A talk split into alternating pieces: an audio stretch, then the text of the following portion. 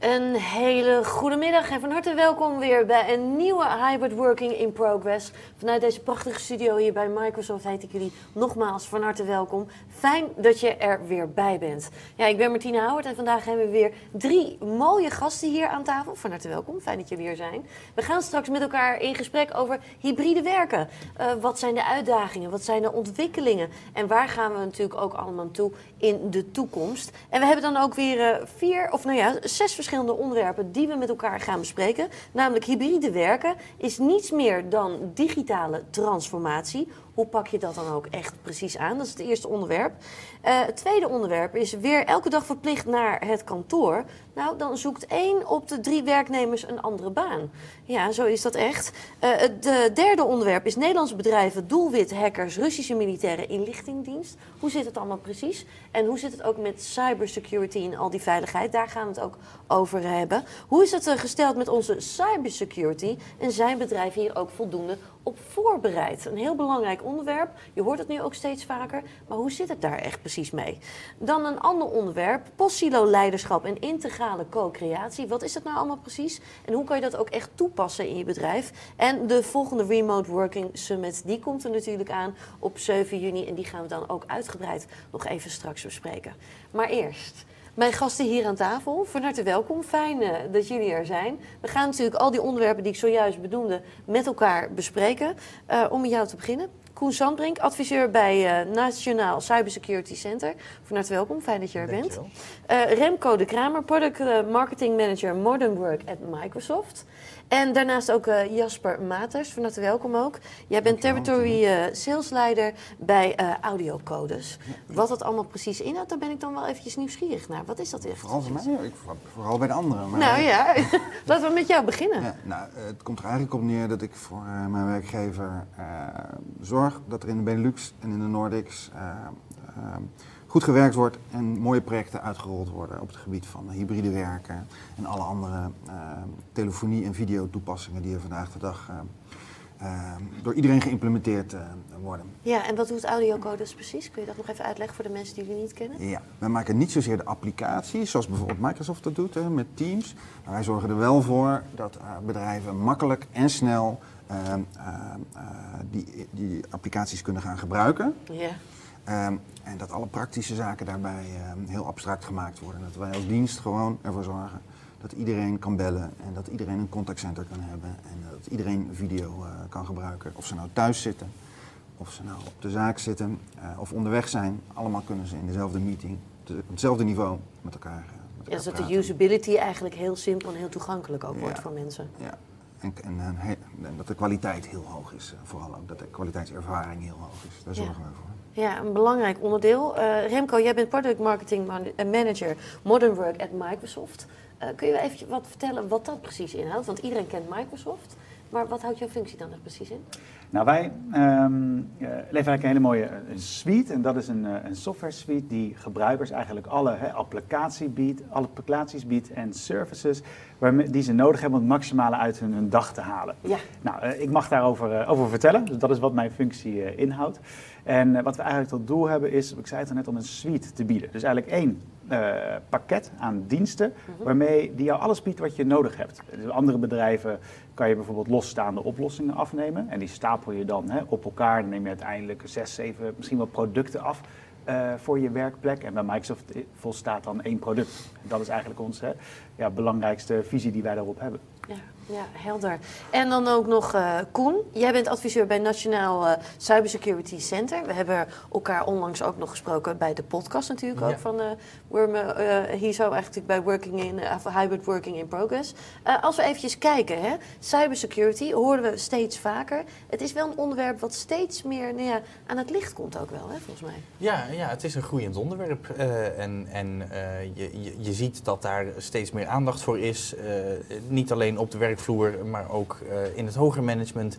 Uh, zelfs in de politiek. Uh, de, we krijgen af en toe kamervragen en dat, is, dat, dat is op zich een positieve ontwikkeling. Maar er is natuurlijk ook nog heel veel te doen. Want je, je ziet wel dat de ontwikkelingen hard gaan en dat iedereen echt moeite heeft om, om dat bij te blijven. Ja, en jij werkt dan ook als adviseur en dat doe je echt op, nou ja, op heel veel verschillende manieren ook wel. Hè? Ja, adviseur is een hele brede term, maar mijn werk is ook gewoon heel breed. Want ik, ik praat met organisaties, niet alleen binnen de overheid, maar ook partijen die vitale infrastructuur aanbieden, zoals energiebedrijven, waterleiding, al dat soort bedrijven. En, en ik schrijf publicaties, weblogs. Uh, ik sluit aan aan tafels zoals deze om zoveel mogelijk mensen over cybersecurity uit te leggen. Ja, een heel belangrijk eh, onderwerp, juist ook in deze tijd volgens mij. Uh, dat brengt ons ook meteen bij het uh, eerste onderwerp vandaag. dat is namelijk hybride werken is niet meer dan een digitale transformatie. Maar hoe pak je dit dan aan? Digitale transformatie begint vaak bij het optimaliseren van processen.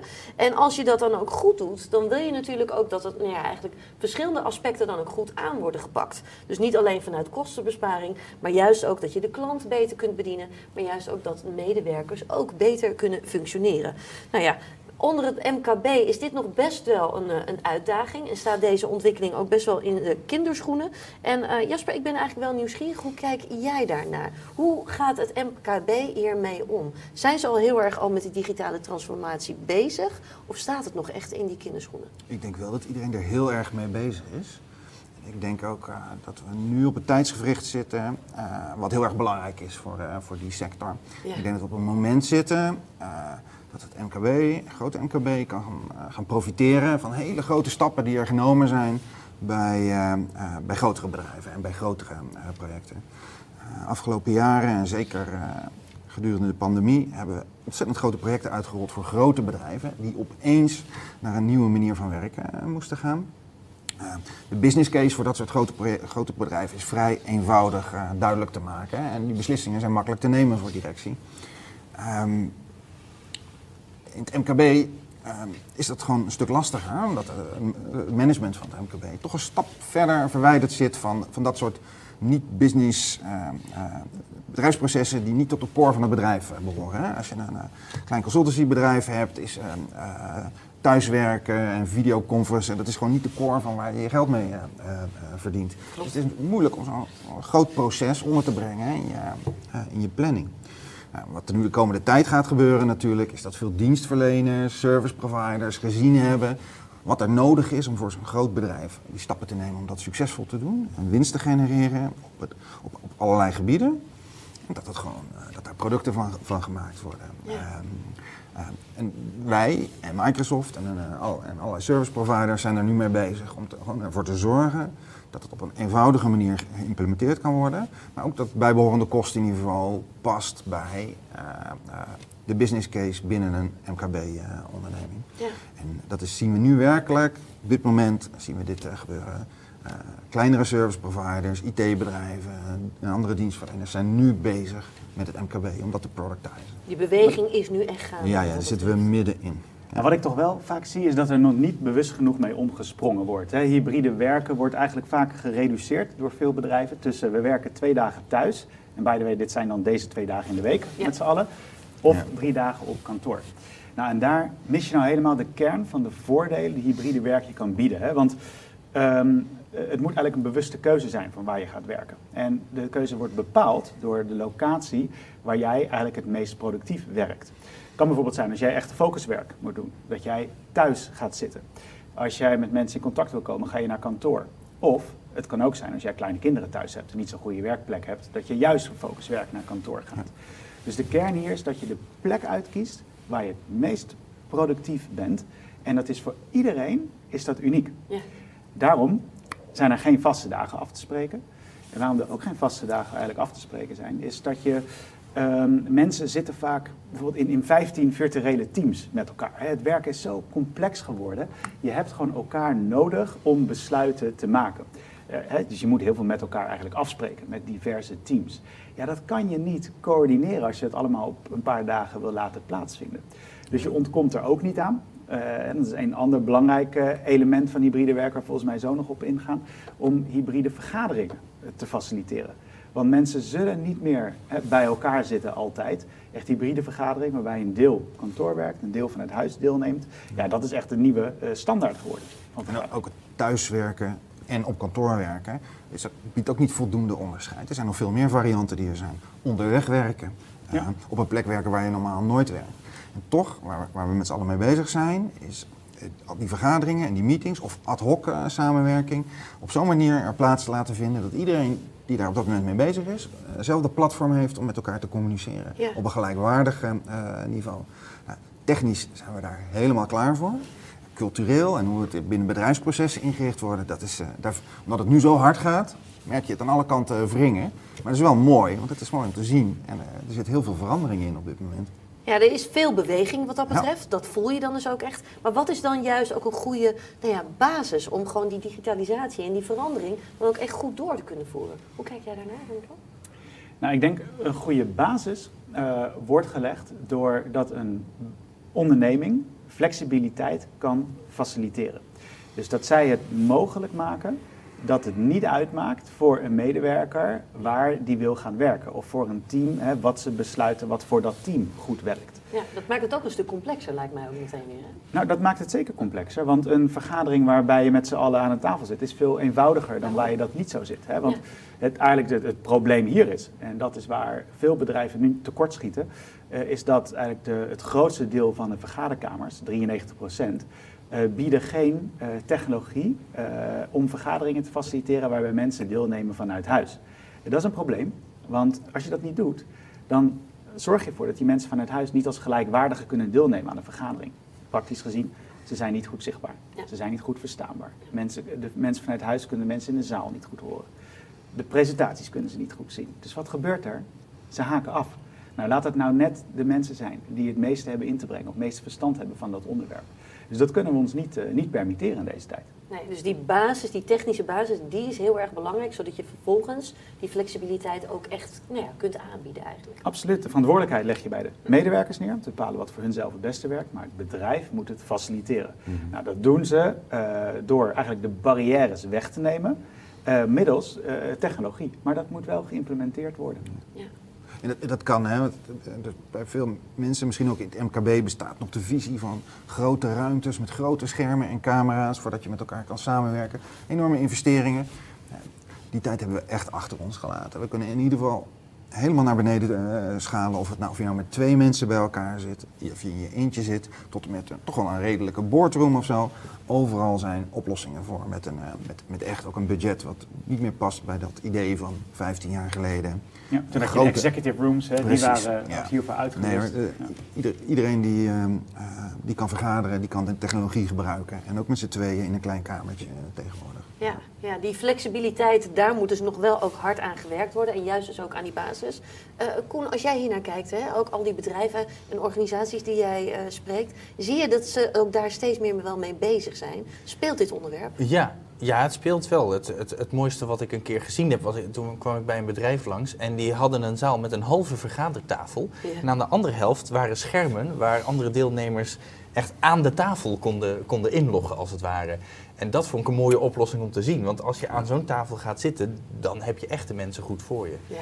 Een andere eh, ervaring die ik heb is dat het ook gewoon ontzettend helpt als de voorzitter van een vergadering uh, uh, op afstand deelneemt. Dat die niet in de zaal aanwezig is en alleen maar oog heeft voor de mensen om hem heen, maar juist op afstand en zelf de handicap voelt van het op afstand deelnemen aan de discussie. Ja. ja, dat is wel ook wel een goede inderdaad. Ja. Ik vind het eigenlijk heel mooi hè, wat jij omschrijft. Want eigenlijk wat we zagen in het begin van, van de pandemie is dat we allemaal weer moesten leren vergaderen. Hè. We zaten allemaal vanuit huis. We moesten elkaar laten uitpraten. Eh, dat was soms heel lastig, ja, soms heel gênant. Agenda goed volgen. Ja, agenda goed volgen, inderdaad. Eigenlijk moeten wij nu weer opnieuw leren vergaderen met elkaar. Want hoe doe je zo'n hybride vergadering? En wat jij zegt, die, die vergaderetiketten, van dat de voorzitter beter op afstand kan zijn, omdat de mensen op afstand eigenlijk toch al het moeilijker is om die te betrekken. Ja, dat is weer een heel goed voorbeeld uh, daarvan.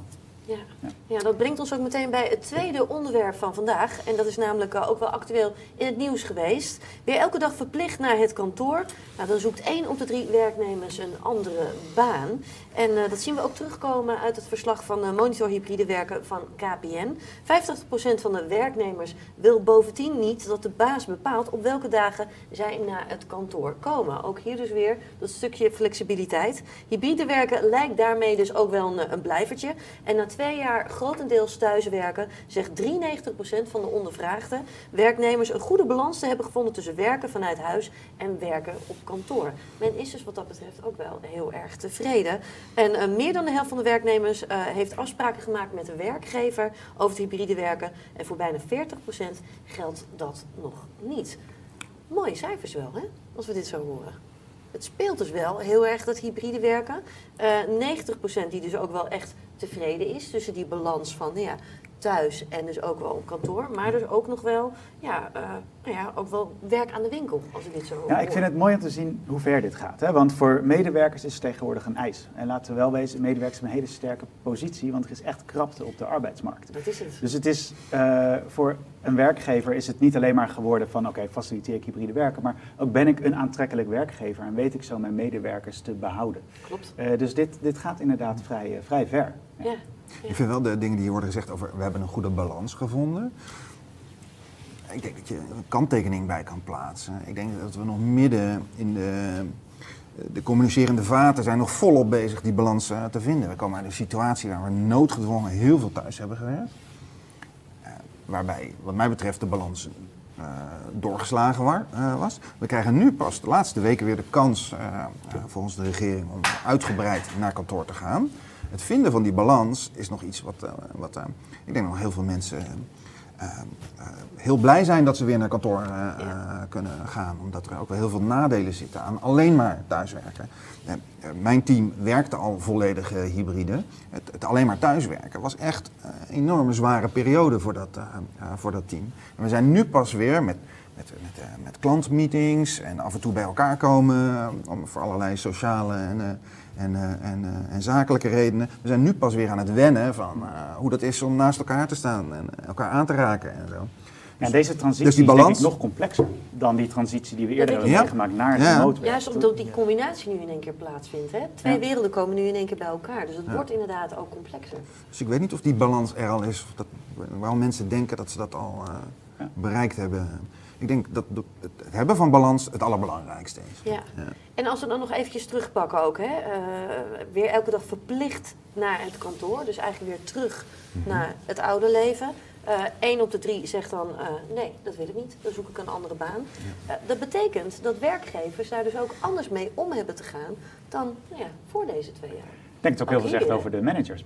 Want uh, wat we natuurlijk gezien hebben is, um, hè, doordat we met z'n allen thuis moesten werken, uh, en we hebben eigenlijk gezien dat het ging. Dus degenen die hè, sceptisch waren daarover, hè, het is bewezen dat het wel kon.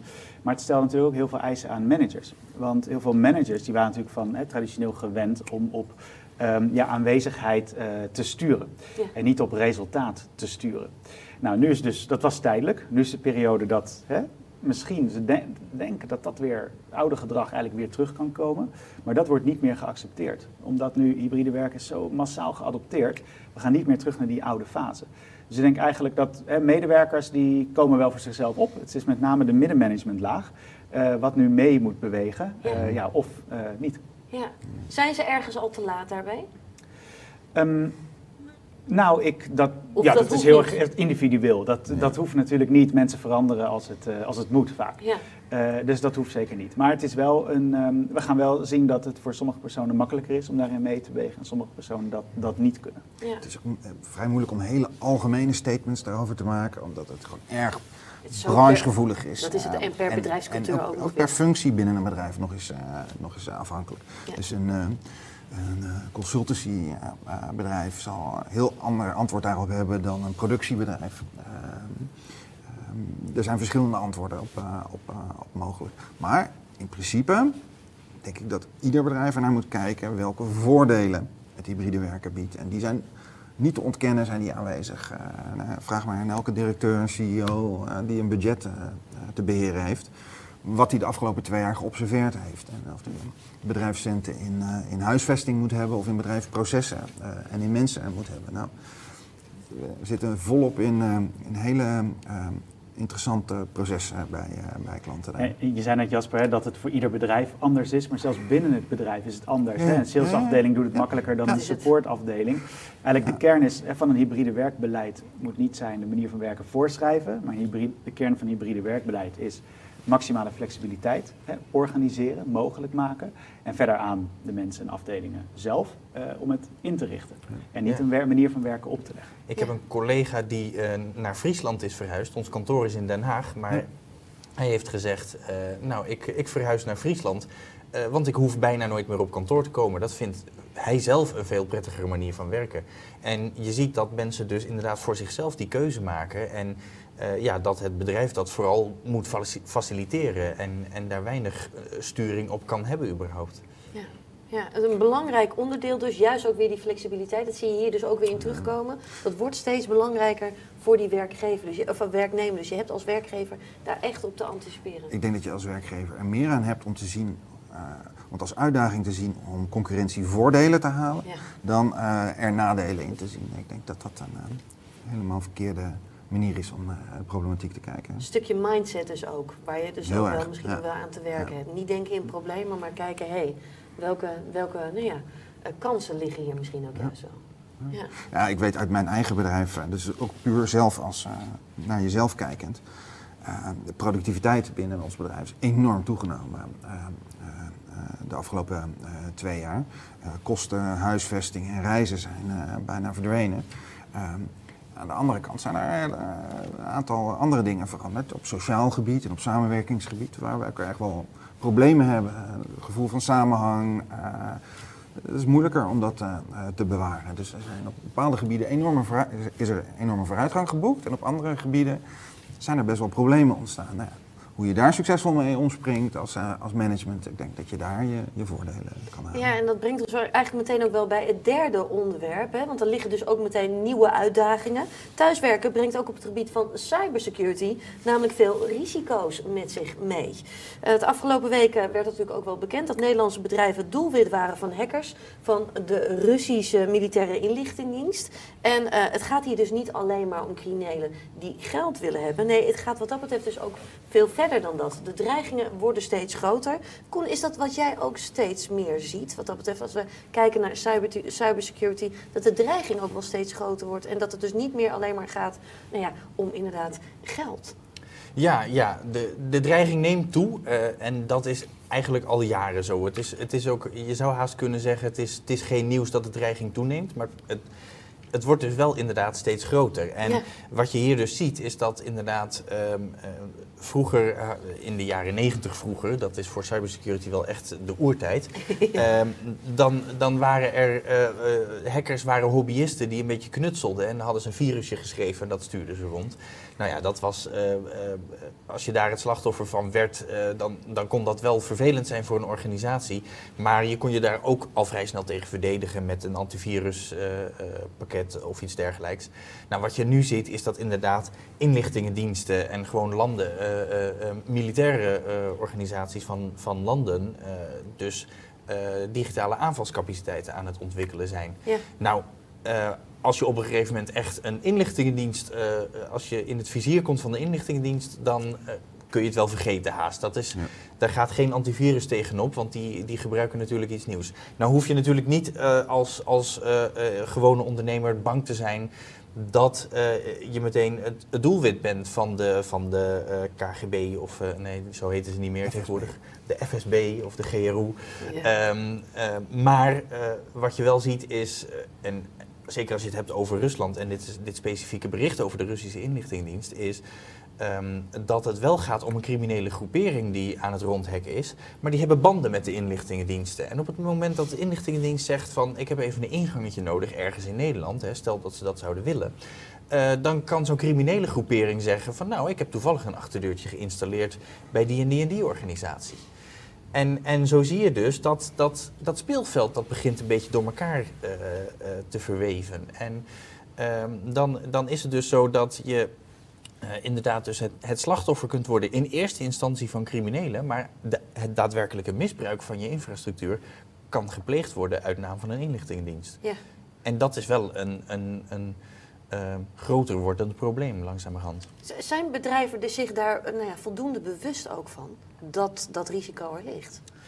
Uh, ja en nee. Um, het, het Het risico, ja, je, je leest het wel eens in het nieuws. Uh, uh, het staat wel eens in de krant uh, dat dit soort dingen gebeuren. Toch een beetje ver van je bedshow. Het is misschien ver van je bedshow en het is tegelijkertijd ook lastig om voor je eigen organisatie concreet te maken. Van wat is nou concrete dreiging die, die op mij gericht is? Welk risico loop ik? En daar is heel veel deskundigheid voor nodig om goed te kunnen beoordelen van ja, welke groeperingen doen nou precies wat. En, en wat is dan echt het risico dat ik loop? En dat is niet alleen maar als een inlichtingendienst gericht op jou afkomt, maar het kan ook toevallig gebeuren. Of dat noemen we collateral damage. Dat is een soort nevenschade dat ze, uh, dat ze een ander doelwit proberen aan te vallen. Maar uh, als het bijvoorbeeld met een virus is dat zich heel breed verspreidt, ja, dan kun je daar toevallig ook het slachtoffer van worden, ook al was dat niet bedoeld. Ja. Maar dat is ook een dreiging die gewoon heel reëel is voor veel organisaties. Ja, dus dat stukje bewustzijn, maar ook het kunnen vertalen van hé, hey, welk risico loopt mijn bedrijf daar dan in? Daar hebben we nog wel echt wel een slag uh, te maken. Ja, zeker. zeker. En, en uh, op het moment dat je dat dreigingsbeeld compleet hebt, dan uh, is het ook nog de volgende stap om dat dan weer te vertalen naar hoe is mijn organisatie weerbaar tegen deze dreigingen. Ja, ja. ja en Remco, ik kan me ook voorstellen, de, juist de rol van de mens is hier dan ook natuurlijk ook weer heel erg belangrijk in. Hè? Juist als mensen thuis werken of op een andere plek werken, daar loop je juist ook weer nou ja, een gevaar. Ja, absoluut. Want mensen die, die wijnen zich veilig hè, in hun eigen omgeving en tegelijkertijd worden de, uh, ja, het niveau van aanvallen hè, worden natuurlijk steeds uh, uh, geavanceerder. Klopt. En de tijd dat je zo'n mailtje heel makkelijk kon herkennen en er zelfs eigenlijk om lachte, hè, een phishing mailtje, ja. ja. die tijd hebben we inmiddels ver achter ons gelaten. Um, wat je daar eigenlijk ziet, is dat je de, de verantwoordelijkheid ook niet meer bij de gebruiker neer kan leggen. Het is inmiddels zo geavanceerd geworden dat we dat niet meer kunnen doen. En dan is hier ook weer technologie die er is om daarmee te helpen. Um, namelijk, en de technologie kan enerzijds de gebruiker uh, het helpen te voorkomen. Dat je bijvoorbeeld op een kwaadwillende link klikt. Kijk bijvoorbeeld wat er nu standaard gebeurt, is dat de gebruiker attent gemaakt wordt op dat het mailtje van buiten afkomstig is. Dus ook al lijkt het e-mailadres heel erg dat het van een collega komt, ja. staat wel degelijk dat het extern is. Ja. Dat herkent de software voor je. Ja. Het herkent ook als, jij, uh, als het een mailtje is waar jij veel hè, berichten van ontvangt, maar nu net een keertje anders is. Dat word je alert op gemaakt. Dat is om het te voorkomen. Dan heb je natuurlijk ook nog, wat gebeurt er nou als een gebruiker er toch op klikt? Want het gebeurt nu natuurlijk zo massaal Klopt. dat het een zekerheid is dat er op geklikt wordt. Ja. Dus daar moet je ook voor uh, rekening mee houden. Voor phishing is het ook onmogelijk om alle gebruikers daartegen te beschermen. Je hoeft maar één iemand te hebben in een hele ja. grote groep mensen die klikt en dan is de aanval geslaagd. Dat is het. Ja, en daar, daar is ook weer technologie die daarmee helpt dan. Hè. Kijk bijvoorbeeld naar wat, wat nu in standaard, of het zit in Microsoft Teams en, en, en in Microsoft um, uh, Exchange, dus in je e-mailprogramma. Um, als je er op een link klikt, dan wordt die eerst geopend in een veilige omgeving en gecheckt of die link wel te vertrouwen is. Ja. En daarna ga je vervolgens door. En dat is dus hoe je gebruikers helpt eigenlijk eh, nadat het eh, kwaad eigenlijk al geschied is. Ja, juist ook die verschillende stappen ook dus nog weer inbouwen. Ja, absoluut. Dus enerzijds voorkomen en anderzijds als het dan er daadwerkelijk op geklikt wordt, hoe beperk je de schade? Ja. Is het trainen van personeel dan helemaal uh, achterhaald? Is dat iets wat we niet meer hoeven, uh, hoeven doen? Nou, ik kom is, dat nog wel veel tegen. Ja, dat, dat gebeurt nog veel en uh, het is voor een deel ook nog wel nodig. Um, waar je vooral voor moet waken is dat je niet moet denken dat, um, uh, uh, dat je met een training er bent. Dus op het moment dat je, dat je zegt van nou, ik, uh, um, uh, ik stuur al mijn personeel op training. Alle nieuwe mensen die aan worden genomen moeten binnen hun eerste drie weken ja. de training hebben gedaan. En dan ben ik klaar, ik ga nu achterover leunen, want mm. mijn organisatie is veilig, want mijn mensen doen het goed. Ja. Uh, dat kun je niet doen. Um, wat je nog wel nodig hebt is bewust maken, maar je hebt ook de technologie nodig die het de mensen zo makkelijk mogelijk maakt. Want um, uh, ja, het is niet alleen met phishing aanvallen, maar er zijn allerlei soorten uh, fouten die gebruikers kunnen maken waar je wel de mensen er bewust van moet, moet hebben gemaakt van dit zijn de risico's die wij lopen ja. en dit is de verantwoordelijkheid die jij daarin hebt. Ja. Maar tegelijkertijd leg de verantwoordelijkheid niet daarom ook altijd bij ze neer en klaar. Ja. Hè? Dus je moet, je moet het is een samenspel van en de verantwoordelijkheid wegnemen, zoveel mogelijk wegnemen. En daar waar het nog is, daar waar je er niet omheen kan dat de gebruiker dingen doet, daar moet je ze goed voorlichten. Ja, helder. Juist dat samenspel is heel erg belangrijk. We gaan ook nog verder praten over uh, cybersecurity. Want hoe is het gesteld met cybersecurity? Dat is het uh, vierde item van vandaag. Gisteren hebben we tijdens de radiospecial en ook de podcast Remote Working in Progress hier ook over gepraat. Samen met Koen. Laten we even luisteren wat je toen hebt verteld. Van hippe start-up tot ijzersterke multinational. Iedereen praat mee. Dit is New Business Radio. Je hoort het natuurlijk, hè? We hebben natuurlijk heel veel met elkaar uh, te, te, bespreken hier zo. We hebben natuurlijk ook al heel veel met elkaar besproken. Uh, maar Koen, om nog eventjes verder met jou te gaan. En jij adviseert natuurlijk heel veel verschillende bedrijven en organisaties. Als we dan kijken, hè? We hadden het er zojuist al over. Wat belangrijk is, hè? dat risicobeeld in kaart brengen. Maar juist ook al die ontwikkelingen ook goed bijhouden. Toch eventjes, waar moet je echt beginnen? Wat is nou echt de basis? Hè? Dus als jij nu met een partij zou zitten, waar begin je dan echt als je het hebt over cybersecurity? Op het moment dat een uh, organisatie dus die, uh, dat risicobeeld heeft en, en, en weet waar ze aangevallen kunnen worden, ja, dan, dan kun je op een gegeven moment concreet worden met ja, wat, wat voor maatregelen ga je dan toepassen. En daar hebben wij eigenlijk een set van basismaatregelen voor die we eigenlijk altijd herhalen. De belangrijkste die we altijd noemen, dat is patch management. En dat is gewoon een proces om ervoor te zorgen dat je alle updates van alle software die je draait altijd toepast. Ja. En als je een heel groot organisatie bent met een hele uitgebreide uh, IT-afdeling en heel veel applicaties moet ondersteunen, moet je dat dus allemaal goed bijhouden en ervoor zorgen dat het onderling allemaal blijft werken. Dus dan moet je zo'n update altijd eerst eventjes testen in een aparte omgeving uh, voordat je het op alle werkplekken uitrolt. Nou, bij, voor een wat kleinere organisatie is het wat makkelijker om dat gewoon wat directer te doen of misschien zelfs gewoon de automatische updates aan te zetten, zodat in ieder geval alle bekende kwetsbaarheden in software uh, geen, um, uh, geen gevaar meer voor jou opleveren. Nou, dan ga je kijken naar um, uh, ja, authenticatie. Dat is dus hoe je je, je medewerkers, maar ook je klanten en je beheerders identificeert op je netwerk. Mm -hmm. Um, dus dat gaat, nou ja, de meeste mensen kennen natuurlijk gewoon het wachtwoord. Dat is een authenticatiemiddel. Uh, maar met, met phishing aanvallen uh, kan zo'n wachtwoord worden gestolen. Dan krijg je zo'n nepwebsite voorgeschoteld uh, waarin iemand zijn wachtwoord intikt. En dan, nou ja, dan is zo'n account dus gekraakt. Dus daarom zeggen we altijd, kijk naar multifactor authenticatie zoals we dat noemen. Oftewel dat je een tweede stap aan die authenticatiestap aan, aan het wachtwoord toevoegt. dat je een extra code moet invullen die je bijvoorbeeld op je telefoon krijgt. Ja, het is wel duidelijk. Het is een continu proces. Hè? Het staat niet stil. Je kan niet het ene doen en dan hup, dan ben je klaar, wat je zojuist al zei. Het is een continu proces. Kun je vertellen wat het Nationaal Cybersecurity uh, Center dan ook echt precies doet op dat gebied? Want jullie lichten ook veel voor, hè? Ja, ja uh, voorlichting dat is sowieso mijn functie natuurlijk. Ja. En het, uh, dat is een groot onderdeel van, van wat het Nationaal Cybersecurity Centrum doet. En dus uh, voor de overheid en de vitale infrastructuur. En we hebben samenwerkingspartners. Er is ook een Digital Trust Center dat ook het MKB um, uh, voorligt. en wij proberen zoveel mogelijk met elkaar te praten, kennis uit te wisselen. Zodat een zo groot mogelijk deel van Nederland gebruik kan maken van alle kennis die wij hebben. En daarnaast kijken we ook gewoon naar de actualiteit. Het, uh, en, en, dat is gewoon uh, de waan van de dag, de incidenten die er spelen. En we proberen ook daar waar mogelijk als een soort digitale brandweer in te grijpen op de uh, incidenten die op dat moment spelen. Ja. Weten bedrijven ook te vinden waar ze dan moeten zijn? Hè? Als ze het even niet weten of als ze meer informatie willen hebben, juist op het gebied van cybersecurity? Ja, dat is uh, uh, voor grote bedrijven is dat inmiddels wel duidelijk. Die hebben ook specialistisch personeel in dienst allemaal. Kleinere bedrijven die geen eigen uh, security personeel hebben, die weten het niet altijd te vinden. Nou ja, het Digital Trust Center wat ik net noemde, dat is echt het loket van de overheid waar iedere ondernemer terecht kan met, met met alle vragen, problemen en, en de kennis die zij graag willen opdoen als ze graag willen leren over security en wat ze zelf kunnen doen. Ja, ja. Remco, hoe kijk jij daarnaar? Hebben bedrijven ook hier voldoende tijd en oog voor? Zeg maar? Maken ze er genoeg ruimte en tijd voor?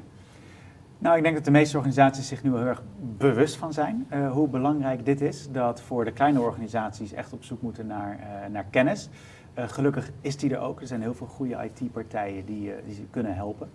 Ja. Um, en ik, ik, denk dat dit onderwerp, ja, dit staat echt hoog genoeg op de, op de agenda. De vraag is, uh, in hoeverre uh, heb je dit allemaal wel al doorgevoerd als, als onderneming? En uh, wordt het niet hoog tijd om daar een specialist echt naar te laten kijken. Ehm, wat je het ook wel vaak ziet, is dat er niet altijd optimaal gebruik gemaakt wordt van, van de mogelijkheden. Bijvoorbeeld om het gebruikersvriendelijk te maken. Kijk bijvoorbeeld naar multifactor authenticatie. Dat is denk ik het belangrijkste mechanisme. Zeker met de beweging naar thuiswerken, waar we het net over hadden. En ja. Mensen zitten niet meer in het bedrijfsnetwerk, maar zitten bijvoorbeeld in een thuiskantoor. Eigenlijk moet je dus altijd vanuit kunnen van gaan dat iedere inlogpoging kan een foute inlogpoging zijn door een kwaadwillende.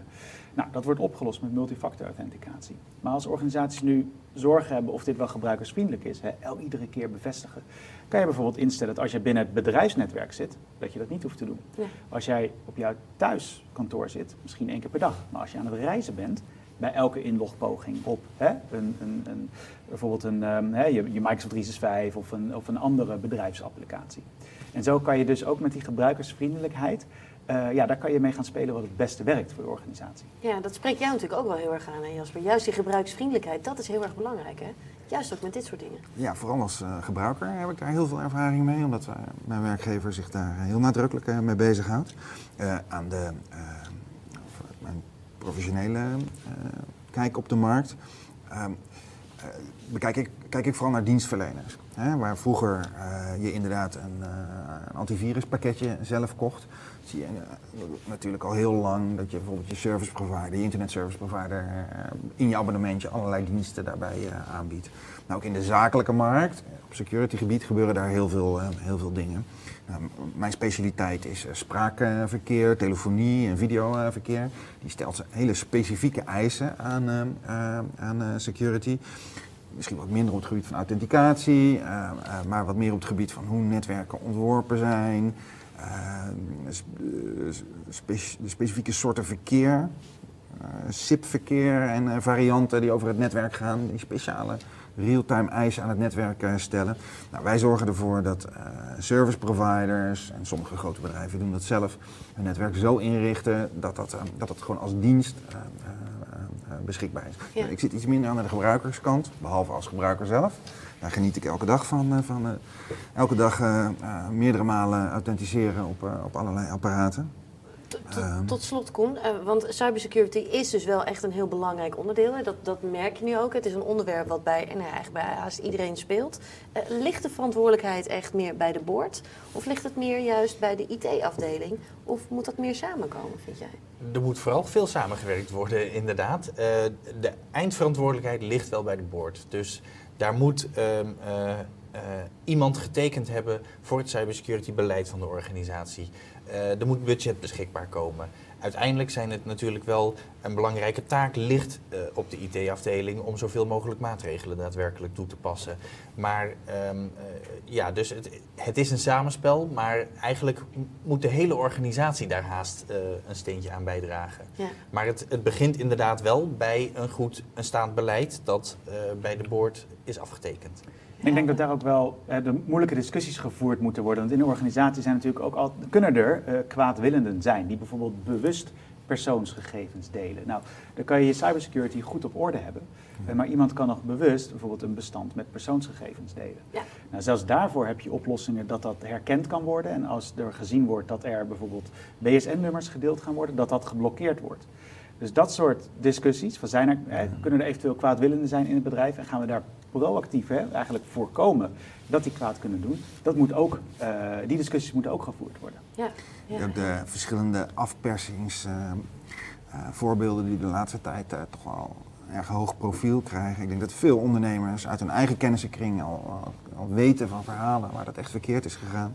Ik denk dat de bewustwording er ook voor zorgt dat, gewoon dat op bordniveau dit echt wel de juiste aandacht heeft op dit moment. Omdat het gewoon erg, uh, erg duur kan zijn als je je er niet mee bezighoudt. Uh. Ja, die bewustwording wordt dus steeds groter, wat dus ook alleen maar heel erg goed is. Uh, we gaan inmiddels alweer door naar het vijfde onderwerp. En dat is namelijk postsilo leiderschap en integrale co-creatie. We hebben hier gisteren ook over gepraat tijdens de podcast en de radio-uitzending. En daar spraken we ook Katelijne Drent. Laten we eventjes gaan luisteren. Katelijne, hoe kijk jij hiernaar? Ik denk dat het een, een continue doorontwikkeling blijft. Die cyber, cybersecurity. Het blijft gewoon. Dus het is de kunst om, om in de voorhoede te komen en te zorgen dat je je, voor, je voordeel ermee kunt doen. Ja. En het begint natuurlijk bij de board. dat je echt daarin gaat verdiepen en denkt, wat is het nou eigenlijk allemaal en hoe, hoe kunnen we dit op een integrale manier organiseren, zodat het niet meer geld en tijd en uh, efficiëntie kost, maar dat het ook ons het een en ander oplevert. En, en, die draai, want het is ook hartstikke leuk, het is een prachtig onderwerp, die uh, zie ik nog niet zo heel veel gebeuren. Ja, want wat je ook wel ziet, hè, is dat het heel vaak dan bij de IT-afdeling wordt neergelegd. Ja. Terwijl eigenlijk is het veel meer een overal iets waar je met z'n allen aan zal moeten werken, toch? Ja, het is een, organisatie, een organisatiebreed vraagstuk. Dus het is een integraal vraagstuk dat iedereen aangaat. En dit is wat, uh, wat, jullie zeggen, de zwakste schakel bepaalt eigenlijk de kwaliteit van het geheel. Ja, je kunt je geen olifantenpaadjes meer veroorloven. Dus het vraagt om, uh, om een nieuwe zelfdiscipline van iedereen. En als iedereen dat nou ook maar doet en, en de board geeft, of de directie geeft het goede voorbeeld, dan ben je al een heel eind. Ja, ja, eigenlijk zou je hier ook wel kunnen zeggen, hier werk je natuurlijk ook veel mee met het post-silo-leiderschap, integrale co-creatie. Hoe, hoe zou je dat dan met betrekking tot dit dan ook goed aanpakken? Hoe zie jij dat voor je? Nou ja, het is, het is uh, wat mijn gesprekspartner net zei. Je eerst de, risico's in kaart brengen. En kijken wat er nou eigenlijk uh, speelt. En welke informatie je sowieso nodig hebt om het goed te regelen. En er ook gewoon van buiten hulp in de arm nemen. Niet voor één keer, maar als een continu proces. En zorgen dat je dat eh, blijft uh, doorontwikkelen. En zorgt dat je het voor de organisatie zo makkelijk mogelijk maakt. Ja. En iedereen zijn werk zo optimaal mogelijk kan blijven doen. Ja, als we nu kijken. Hè, naar... Het eh, hybride werken is voor operationeel werk heel handig, maar voor strategische ontwikkeling of strategisch werk, hè, hoe je organisatie er in de toekomst uitziet en hoe je waarborgt dat je je klanten goed kunt blijven bedienen, dat is wel een ander vraagstuk. Daar is ook nog een heel uh, hoofdstuk um, op te zetten en te winnen. Hoe je digitaal met elkaar op afstand aan strategische vraagstukken werkt, dat is nog best wel een, um, een kluif. Ja, er is heel veel gezegd door Katelijne. Wie wil hierop reageren? Nou, wat eigenlijk wel aardig was, ik zie een parallel naar wat in het begin van deze discussie even opkwam. Ik zei daar dat uh, medewerkers gemiddeld in 10 tot 15 virtuele teams zitten, buiten hun eigen hè, afdeling. Ja. Nou, hoe komt dat nou? Het, ons werkveld is zoveel complexer geworden. Je kan het niet meer doen met de afdeling voor jou en de afdeling na jou. Je hebt diverse afdelingen binnen jouw organisatie heb je nodig. Um, nou, dus vanuit diverse silo's. Dus wil jij klanten goed kunnen bedienen of wil jij complexe problemen wil jij oplossen, ja, dan zou je die samenwerking op moeten zoeken over de silo's heen. als processen lopen zoals ze lopen, dan kan je prima in silo's blijven denken. Maar dat is vaak niet de realiteit. En een ander element, dus integrale co-creatie. Mhm. Wat we natuurlijk ook zien is dat we al lang niet meer met collega's samenwerken. Dat samenwerken doen we met klanten. Uh, dat doen we met, met leveranciers. Dat doen we misschien met partnerorganisaties. Allerlei verschillende partijen. Juist, met allerlei verschillende partijen. Nou, je zou denken dat dat kan barrières uh, opwerpen met elkaar. Uh, maar ook die kan, kunnen weer weggenomen door, worden door technologie. Want die technologie kan er namelijk voor zorgen dat jij op precies dezelfde manier met mensen buiten jouw organisatie kan werken, als dat jij met mensen, met directe collega's werkt. Dus het chatten met elkaar, het werken in documenten met elkaar, uh, het, het, sturen van uh, andere soort berichten naar elkaar, dat kan gewoon precies dezelfde manier. Dat is nodig om echt ja, alle intellectueel kapitaal gewoon te benutten die je nodig hebt. Ja. ja. En ook flexibiliteit. Je hebt het niet alleen maar over geformaliseerde samenwerking. Ook het mogelijk maken van ad hoc samenwerking. Tussendoor even snel iets doen om een ander proces weer op te starten. ik denk dat we de afgelopen twee jaar met z'n allen hebben gezien dat dat echt enorme impuls en productiviteit heeft uh, gegeven. Uh, allerlei soorten bedrijfsprocessen. Ja. Dat is een heel goed kenmerk eigenlijk van die virtuele teams. Hè. Die komen samen als er een doel bereikt moet worden, maar die zijn, lossen weer op als het doel bereikt is. Ja. Wat zou je dan wel al kunnen zeggen? Wat is het grootste risico? Als je heel erg juist dus ook in die silo's blijft denken. Wat is dan het grootste risico, juist in deze tijd? Waarin we zo met hybride werken bezig. Ik denk, je verliest concurrentievoordeel ten opzichte van je, je gelijken die dat wel op een agressieve manier implementeren. Ja. ja dus jouw, jouw, eigenlijk jouw probleemoplossend vermogen daalt. Dus jij kan als organisatie niet meer goed uh, pro problemen oplossen die niet standaard zijn. Ja. Organisaties die dat wel kunnen, die hebben het concurrentievoordeel. Ja. Als je die vertaalslag ook maakt naar cybersecurity, Koen, juist dan dat silo-denken werkt dus dan ook niet meer zo heel goed, hè? Ja, ja. Nou, of juist wel. Hoe kijk jij daarnaar? Um, voor de cybersecurity maakt dat op zich niet zo heel veel uit op, uh, uh, als, je, als je van een afstandje ernaar kijkt. Het is natuurlijk ook gewoon een, een uh, samenspel van, van heel veel verschillende disciplines. het, het is belangrijker dat je zoiets, denk ik, gewoon organiseert door de juiste mensen uit allerlei verschillende hoeken en gaten van je organisatie bij elkaar te kunnen zetten. En ehm, eigenlijk heb je dan weer nou, een, een nieuw virtueel team bij elkaar. Dus dat, uh, dat is eigenlijk hoe je dat, hoe je dat een beetje moet aanpakken. Ja, ja, samenwerken is dus wel heel erg key. Dat is wel duidelijk. Ja, samenwerken over de grenzen van je afdeling heen, over de grenzen van je organisatie heen, maar wel op een veilige manier. Ja. Zonder dat het je productiviteit hindert. Dat is hè, wat er mogelijk is. Maar dat kan alleen maar als je dat dus zo goed organiseert. Ja slot, willen jullie nog een tip meegeven ook aan mensen die nu zitten te kijken? Die denken, joh, als je met hybride werken bezig bent, let dan hier heel erg op. Ja, ik denk dat je vooral moet oppassen je niet te laten leiden door technische beperkingen. Ik denk dat die op een heel snel tempo weggenomen worden. Voor mijn gevoel, waar we nu middenin zitten, is hoe we juist weer die sociale en intermenselijke uh, uh, aspecten weer een rol gaan geven in het hybride werken. Thuiswerken heeft heel veel aandacht gehad de afgelopen uh, twee jaar de balans vinden tussen samenwerken op één locatie of via andere, op andere manieren. Ik denk dat daar erg veel aandacht voor moet zijn op dit moment. Ja belangrijk iets. Dat brengt ons alweer bij het uh, zesde item van vandaag. De Remote Working Summit gaat namelijk uitbreiden met een uh, virtuele beursomgeving. En dat zien we natuurlijk ook steeds meer om ons heen. Uh, artificial intelligence, virtual reality, we zien het steeds meer. Dat gaat ook steeds meer plaatsvinden, ook in de toekomst. maar wat kunnen we dan allemaal op korte termijn gaan verwachten? Ja, ik ben wel eventjes nieuwsgierig. Koen, hoe kijk jij hier bijvoorbeeld naar? Virtual uh, intelligence, al die dingen, al die ontwikkelingen die gaande zijn. Gaan we dat ook steeds meer terugzien? Ja, ja ik, ik, ik zie dat uh, steeds meer toegepast worden. Um, uh, steeds als je een, een, een, nieuwe technologie hebt, dan, dan heb je altijd de, de, de die, die hype cycle, zoals ze dat noemen. Dat het in het begin allemaal iedereen wil het hebben, mensen springen erop in, er zijn veel investeringen voor. En op het moment dat uh, even duidelijk eh, is afgekaderd, zo van nou, dit, dit, is wat je ermee kan, dan neemt het enthousiasme eventjes af. En sommige mensen uh, die denken van nou, het is wel weer voorbij, ik geloof er niet meer in. Maar dan zie je dat het daarna toch weer stabiliseert. En, en heel veel nieuwe technologieën zijn een blijvertje. Soms zijn er ook nieuwe technologieën die na die eerste hype afhaken. En die zie je niet meer terugkomen. Maar ik denk dat we op het gebied van artificial intelligence eigenlijk al daar al voorbij zijn. Ja, en dat dat er uh, zeker wel eentje is die zal blijven. Virtual reality uh, weet ik niet helemaal zeker. Maar goed, ik ben niet zo'n marktanalist dat ik, dat, uh, dat ik daar voorspellingen in durf te doen. Maar artificial intelligence, dat is echt eentje. Het, het zit al in veel meer dan je denkt eigenlijk. En, en het is al overal.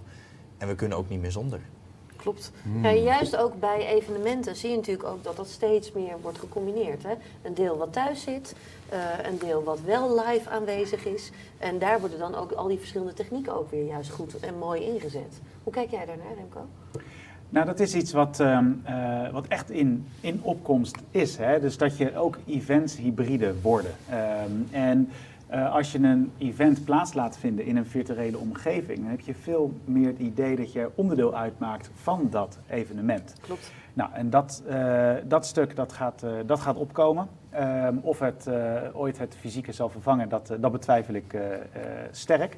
Wat ik wel altijd het, het mooie vind, is dat je dit soort technologieën zie je heel succesvol worden in bepaalde niche-markten. Kijk bijvoorbeeld naar het, het mixed reality technologie. Hè. Mixed reality is dat je dus een laag over de echte wereld legt. Ja. Dat zie je heel vaak als je bijvoorbeeld meetings hebt in remote advisor situaties. Bijvoorbeeld, uh, er is een probleem met een, een, um, uh, een, groot industrieel apparaat. Daar gaat iemand heen, die heeft niet de topkennis van de organisatie, maar die heeft wel een virtual reality bril op. Uh, en iemand kijkt mee die thuis wellicht zit, die wel die kennis heeft. Dan kan die heel goed advies en coaching geven. Ja. Dus dat is zo een niche-markt waar die technologie wel heel snel dominant kan worden. En dan zal het nog tijden duren voordat het echt voor iedereen uh, toegankelijk wordt.